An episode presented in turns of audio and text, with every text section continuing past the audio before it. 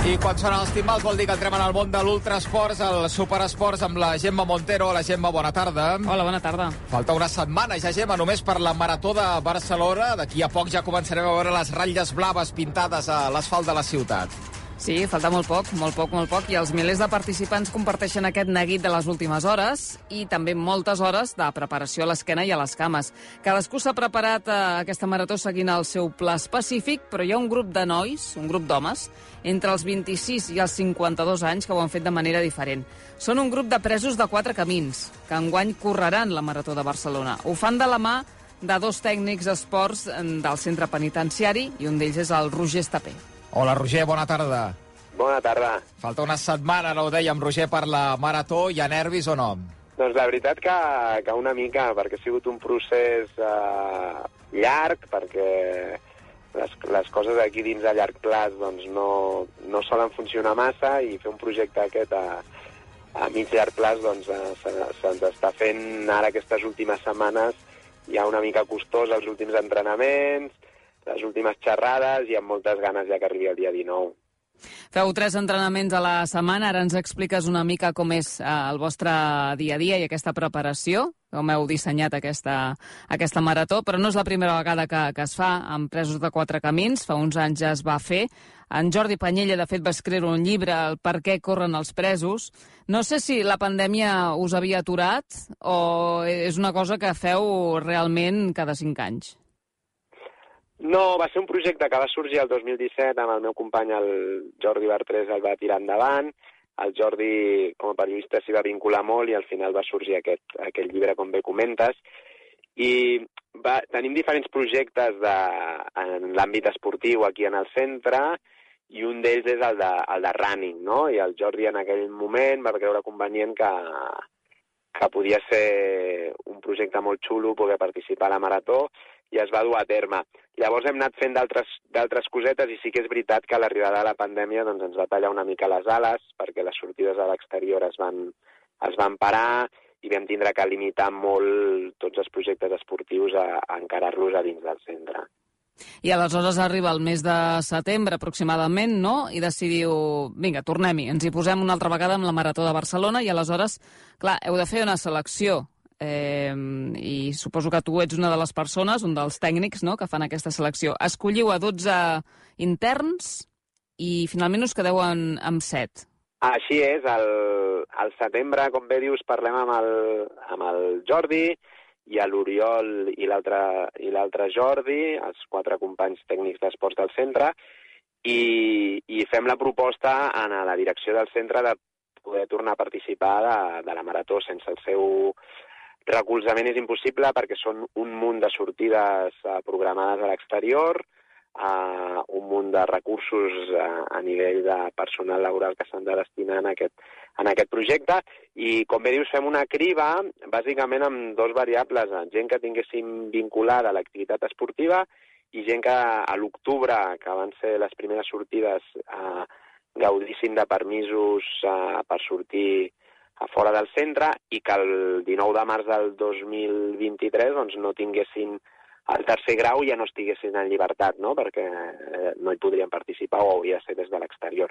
I amb, aquesta, amb aquestes dues variables vam seleccionar 12 interns amb diferents perfils, amb diferents estat físic, amb diferents motivacions, però que creiem que era un bon, un bon grup per, uh, per començar a entrenar. D'aquest 12 intents ens hem quedat amb 7 per diferents mm. motius i, i aquests 7 sí que, sí que ja tenen els dorsals i, i segur que el dia 19 estaran a la línia de sortida. Doncs amb ganes de veure'ls. Ha costat molt o no posar-los en forma? Perquè, clar, no us esteu preparant per eh, fer 5 quilòmetres o 10 quilòmetres. És una marató, poca broma, i no sé si cap d'ells n'ha fet alguna. Uh, ha costat, ha costat, i t'haig de dir que cap dels set ha, ha corregut mai una, una marató, així doncs serà un, serà un repte increïble per ells, i, però hem fet un bon procés, creiem que hem fet un bon procés, anant de, de menys a més, uh, hem participat a diferents curses per una mica que agafessin el, el rol competitiu de, que, de què és una cursa de fons, vam fer la mitja de Granollers, vam fer un maratès casolà ara fa un parell de setmanes provant la distància de 30 quilòmetres, on els set, on els set intents van acabar, i, però està sent un procés dur, no? La primera sortida fa molta il·lusió, però quan portes tres mesos entrenant, no? Estàs a tocadet del genoll, amb molèsties al bessó, doncs ja no fa tanta gràcia aquesta sortida, però el que els dic jo és al final és una analogia amb la vida i amb la seva situació, no? que, que requereix un esforç, que requereix una constància i que al final si, si el dia 19 doncs, creuen la meta com a finishers de la marató crec que serà un, un repte superat que podran després traslladar a la, a la seva vida ordinària. Xavi Roger, escoltem a, a un dels protagonistes, perquè jo crec que val la pena, un dels protagonistes d'aquest projecte, que és l'Alberto. Ell havia fet una mica d'esport abans i ara s'hi ha enganxat completament. I explicava que preparar-se per aquesta marató a ell li ha permès trencar la rutina de la presó i tenir una motivació especial. Aquí estar en prisión muchas veces es un, un proyecto vital día a día de intentar superar una situación y de, de superarte día a día. Entonces se juntaron un poco las dos cosas. Eh, que me encanta hacer deporte y que el deporte ha sido fundamental para mí, para mantenerme mmm, eh, con expectativas y, superar la situación de, estar en prisión.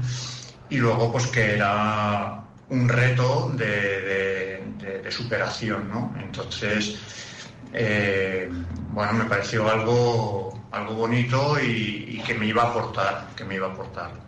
De fet, no només diu que s'ha enganxat ell, sinó que ja ha enredat algú altre. Tengo que confesar que yo no era nada fina a esto del running y me ha enganchado. Y lo recomiendo a todo el mundo. Hasta tal punto que ya he convencido a mi mujer eh, sí o sí de que lo, de que lo vamos, de que, va, de que se va a unir a mí y lo vamos a hacer eh, com a pareja. La història de l'Alberto, una de les històries d'aquestes set històries d'aquests set presos que correran la Marató de Barcelona, aquest repte de superació, l'Alberto i la, la seva dona, dos runners més, dos més que s'han enganxat al món de, del córrer. Clar, Roger, sortiu a córrer tres dies per setmana, com ens hem d'imaginar aquestes sortides? Heu d'anar acompanyats d'algun tipus de seguretat o com són? El, el format en què sortim es diu sortida programada, que ho poden programar qualsevol professional del centre, en aquest cas la programem nosaltres els tècnics esportius, i sí que els interns, com comentàvem, han, han d'estar en condicions de, de tenir aquestes sortides aprovades per la Direcció General de Serveis Penitenciaris i, per tant, són interns que ja gaudeixen també de permisos de 48 hores, de 3 dies, etc etc. I després entrenem tres dies, bàsicament ens hem organitzat, dos dies d'ells fem tirades llargues, eh, de més càrrega de quilòmetres, i un dia ens cedeixen les pistes d'atletisme de Granollers, que ens queden uns 20 minutets al centre, i allà fem sèries de, més curtes d'entrenament, amb canvis de ritme. I bàsicament hem anat seguint aquest, aquest procés i, i ara jo crec, que, jo crec que estan preparats per, el set per, amb diferents temps i amb diferents marques, però per acabar-la jo crec que els set estan, estan preparats. Mm. Suposo que alguna vegada us hauran fet la broma, no?, de si no tenen la temptació de sortir a córrer cap a una altra direcció, no? O potser vosaltres mateixos la feu a la broma.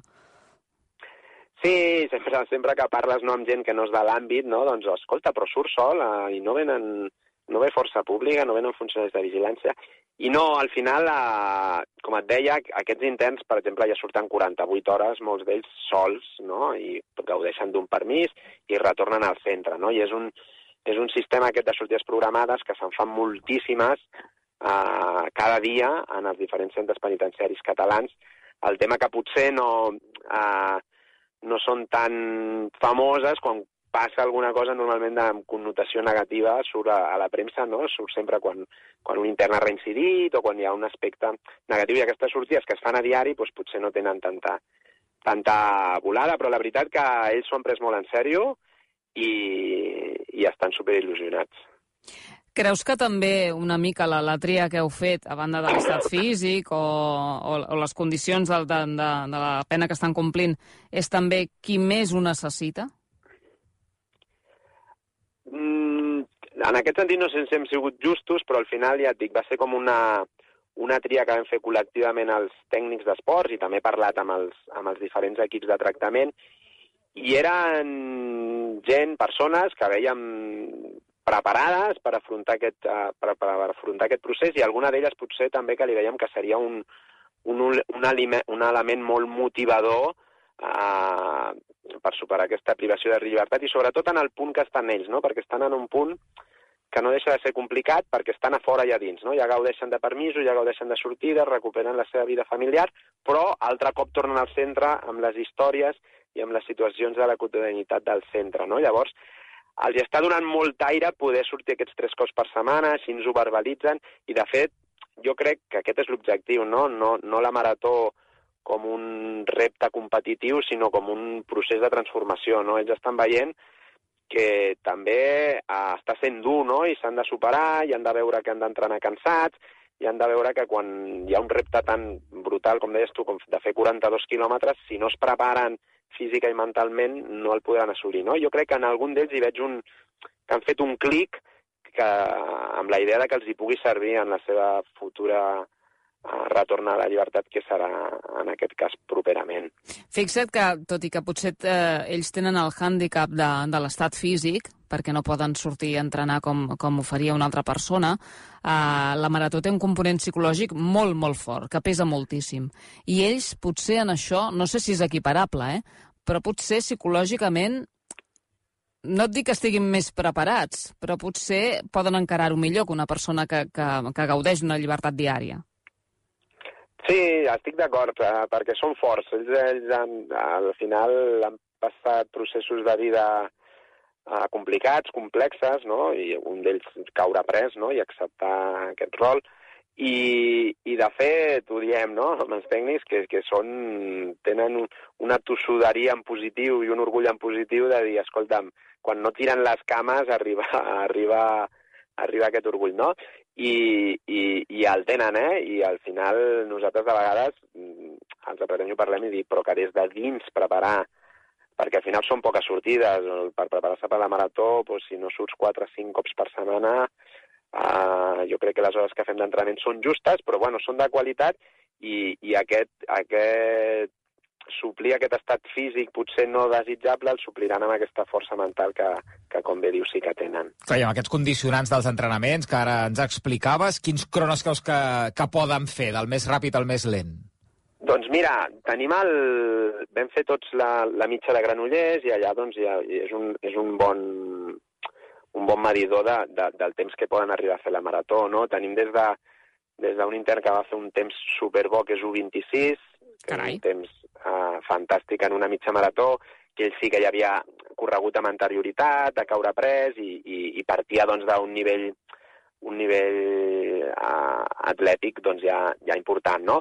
I des de les 2 hores 4, després hi ha hores 35, hores 40, no? Doncs en, en, aquest, en aquesta forquilla ens movem. Jo crec que el, que ja els, vam parlar més, ja el repte ha de ser acabar-la i és la primera marató de tots, per tant, no ens podem posar reptes competitius ni pressions afegides, però jo crec que pot anar des d'aquest de, des intent que et comentava, que pot fer 3 hores 15, 3 hores 20, fins a les 4 hores, i algun s'anirà més enllà. En aquesta forquilla ens hem de, ens hem de trobar. I vosaltres, els tècnics? Bueno, els tècnics som uns més i, i, i després una mica el sí, el, el sí que hem, tinc, hem respectat són, són els, els temps de cadascú no? i el, els entrenaments una mica adaptats a, a, a l'estat de, físic de cadascú. No? O sigui que hem fet entrenos conjunts, però després uh, marquem diferents ritmes. No? Els tècnics, doncs mira, jo vaig fer un 23 a la mitja de Granollers, llavors em poso el repte d'intentar baixar les 3 hores. No sé si, si ho aconseguirem, i els meus companys, el Jordi, que també correrà, doncs uh, va fer un 28 i també doncs, vol fer 3 hores o una mica més. Allà mm. estem, a veure si, si ho aconseguim. És a dir, eh, els, els tècnics no feu de llebres, no correu al costat dels altres. No, no, no, no, no. no. El, el, uh, en, en, en els entrenaments sí que, sí que correm amb ells i els hi marquem una mica els ritmes, però després el ritme de cursa cadascú coneix el, el seu ritme, ho hem treballat molt, uh, ho, hem, ho hem xerrat molt i, i al final, doncs, com si som corredors normals, com els que sortim de fora, no? que al final cadascú ha de buscar el seu ritme i si et vols enganxar amb un ritme que no és el teu, doncs després pateixes i al final ens trobem, ens trobem a la meta. Per... Aquestes sortides també donen un grau de, de llibertat als intents per entendre que, que, que estan ja quasi en aquesta recta final i els donem aquest vot de confiança i, i de moment el comportament ha sigut excel·lent. Mm, és un parèntesi, no?, en la, en la seva vida, que és una vida especial. I com els ajuda això a la reinserció? Perquè aquí parlem molt del, de l'esport, com fomenta la inclusivitat. Com, com els ajuda a reinsentar-se reinsentar després? Jo crec que l'esport és una eina molt potent perquè eh, ens tracta una mica d'igual igual, no? Al final, ells ho van veure, sobretot a la mitja Granollers, que hi havia un munt de gent i es van, eh, m'ho comentaven al final, ja, ostres, que m'he sentit un mes, no?, corrent. Sempre sóc, pues, un, una persona privada de llibertat, un delinqüent, no, que surto a fora, no?, i una mica eh, tinc aquesta etiqueta i de vegades fins i tot se la posen ells, no?, o m'estan mirant, o ja... I allà pues, es van sentir runners, corredors, no?, al final, amb el seu dorsal, amb el seu nom, uh, no? a la mitja que hi ha molt ambient, doncs, els cridaven pel seu nom i ells es, es sentien superbé en el sentit de dir m'he sentit una persona normal fent una activitat que fa un munt de gent, que està de moda i que, i que ajuda a la gent de fora, doncs per ells jo crec que el sentir-se part mm, d'aquesta cursa, eh, doncs jo crec que els ajuda molt, a, com comentava abans, a fer una analogia a la vida i dir, doncs en altres àmbits eh, laboral, familiar, etc., doncs, també ho puc fer o també haig de trobar eines per poder-ho fer. Mm. I els, eh, no sé si tenen permís perquè eh, familiars, amics, els vagin a saludar, els vegin. Sí, en cas, aquestes sortides en principi no has de tenir contacte amb familiars i tal, però l'excepcionalitat s'ho val, eh, tenim l'aval, com he comentat abans, de la direcció del centre, i és un dia molt especial. Mm, per ells, mira, avui parlava amb un d'ells i que té pensat a tatuar-se la, la Marató de Barcelona si aconsegueix ser, ser finisher i acabar-la, no? I clar, el, seu, el suport de la família quan arribin o fins i tot durant la cursa pues és vital i al final estem treballant d'una forma transversal i està clar que les seves famílies per ells són part important i en un dia que serà cap dalt doncs, també puguin, puguin estar allà si així ho desitgen. Ah, potser aquest tatuatge vol dir que més enllà d'aquesta marató, en un futur, eh, es converteix en maratonià. Continua corrent. Per, per què no? Mira, hi ha el cas del, del Mario, que era un dels nois que, que va córrer el 2017, sí. i sortia en el llibre del, del Jordi Panyella, i el Mario ens ha ajudat a, a estar en llibertat, ell està treballant, està molt bé, i ell sempre ho explica, que va ser un abans i un després per ell el poder córrer la Marató el 2007, el 2017, no només perquè s'ha aficionat al, a les curses de fons, sinó perquè va fer un canvi de xip mental en la seva vida, no?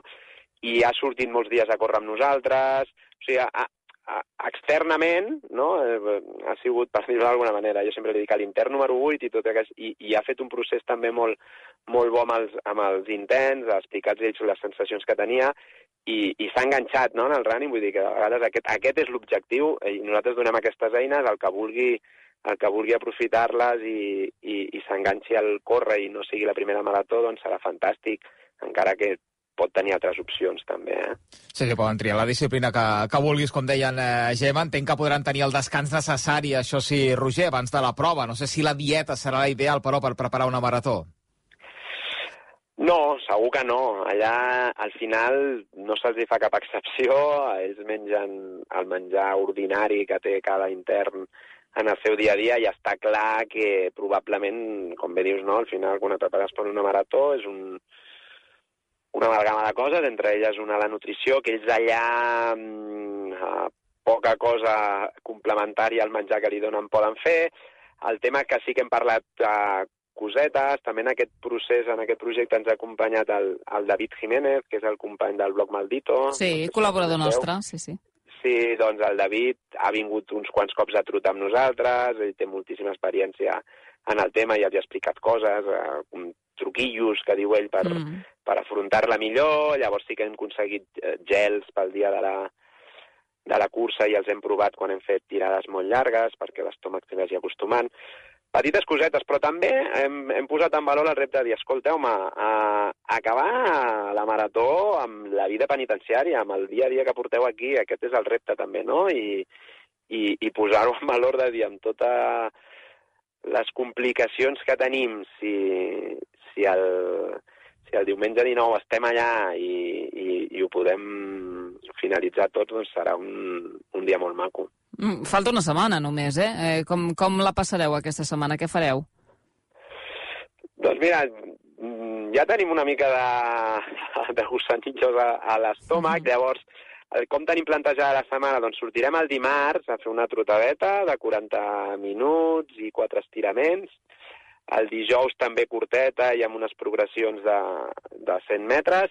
I després el divendres, algo molt xulo, que sortirem a la fira, a la fira, a l'estant que hi ha preparat de la Marató de, sí. uh -huh. de Barcelona. La fira del corredor, que... no? Sí. Això mateix, a la fira del corredor i divendres tarda anirem a recollir els dorsals amb els, amb els set nois i una mica ja ambientar-nos i, i acabar de posar-nos nerviosos, jo crec. Però aquesta és la idea, no? La setmana que ve serà molt de descàrrega, molt light, per intentar arribar el més frescos possibles, intentar descansar, intentar doncs, el divendres veure tot aquest ambient que jo crec que també per ell serà molt, molt agradable, no? veure tota, tot el, tota la història que hi ha darrere també de la, de la marató i, i el dia abans doncs, intentar descansar, perquè crec que és difícil, perquè tens tot aquest, uh, tots aquests nervis i tota aquesta adrenalina, et costa descansar poc, i tenim la sortida preparada a les 6 del matí. A les 6 del matí, uh -huh. amb la furgoneta del centre, doncs ens desplaçarem cap a, cap a Barcelona amb dos furgonetes, perquè a part dels set corredors, doncs quatre, quatre intents més vindran a cobrir un avituallament que ens van demanar i faran una mica de, de voluntaris també de la cursa i així també bé, tenen una visió diferent de la marató, però també posem el nostre granet de sorra. I, i res, eh, amb, amb, el, l'afrontem amb moltes ganes, amb nervis però amb moltes ganes. I si tot va bé i tot set acabant la marató, hi ha alguna celebració prevista o la línia d'arribada s'acaba la història? no, la tornada al centre jo diria que la tenim fins a les 6 de la tarda, segurament ens anirem a, a dinar i, i, però bueno, jo crec que estarem tan rebentats que supercontents però rebentats que no, si, no sé si estarem per gaires gaires celebracions, però la idea és després a posterior doncs, a sortir un dia amb, tot el, amb tots els set intents i amb tota la gent que ha col·laborat amb, amb que aquestes sortides siguin possibles, que són moltes, i fer com un, com un dinar de germanor per, per celebrar-ho. I també dir, i els hi tinc dits, que si no acabem, perquè poden passar lesions, eh, podem punxar, eh, hi han variables que no controlem, serà la nostra primera marató, vull dir, som novatos, uh, que es quedin amb tot el procés, que, que ja ha valgut la pena. Vull dir que si al final no tots podem acabar, no ha de ser una decepció ni ha de ser una frustració, uh, al contrari, no? Jo crec que tot el procés que hem fet ja, ja és vàlid de per si. Molt bé, doncs, eh, Roger, enhorabona pel, pel projecte, per la feinada i, i que vagi tot molt bé. Ens veiem a la meta d'aquí una setmana. Això espero, això espero que ens trobem allà i, i que ho puguem gaudir. Doncs moltes gràcies per, per també fer promoció, perquè crec que, que és important no? que, que se sàpiga que des dels centres penitenciaris es treballa des de moltes, molts àmbits i moltes perspectives, en aquest cas l'esportiva, i per, per aconseguir aquesta, aquesta reinserció tan desitjada. Doncs salut i cames, Roger, i moltes gràcies per haver-nos acompanyat. A vosaltres. Gemma, què més hem de saber del món de l'ultrasports? Doncs aquesta setmana hem conegut el calendari del 2023 d'en Kilian Jornet, que serà un calendari molt diferent al de l'any passat perquè competirà molt poc, perquè té un projecte a la primavera, als mesos de l'abril-maig, que és el de tornar a l'Himàlaia. Tornarà a la Índia. Recordem que el 2020 hi va anar i per culpa del mal temps doncs, se'n va anar a Norris eh, tot el que havia planejat, però és que a més a més es va quedar tancat al Nepal pel tema de, de la pandèmia. El coronavirus el va deixar allà confinat. Aleshores, el que farà aquest any és competir molt poc. De fet, l'únic dorsal que es penjarà és el de Sierra Resinal al mes d'agost. I aquí intentarà superar la cinquena posició que va aconseguir el 2022, recordem, amb un temps de 2 hores, 30 minuts i 19 segons. Eh, de fet, no només sabem el calendari d'en Kilian, sinó de tot l'equip normal, on recordem també hi ha l'Emily Fosberg, que ella també correrà a Sierra Resinal, també farà l'Eiger de 51 quilòmetres al mes de juliol i a l'Ultratrail de Montblanc farà l'OCC si aconsegueix classificar-se. I en Tòfol Castanyer, que el tindrem aquí la setmana vinent, farà la Marató de Barcelona el dia 19 de març, la Camí de Cavalls el mes de maig, el Marató de Montblanc el 25 de juny, Sierra Ginal també, i dins l'Ultratrail de Montblanc el Tòfol farà la TDS, que això és el dia 29 d'agost.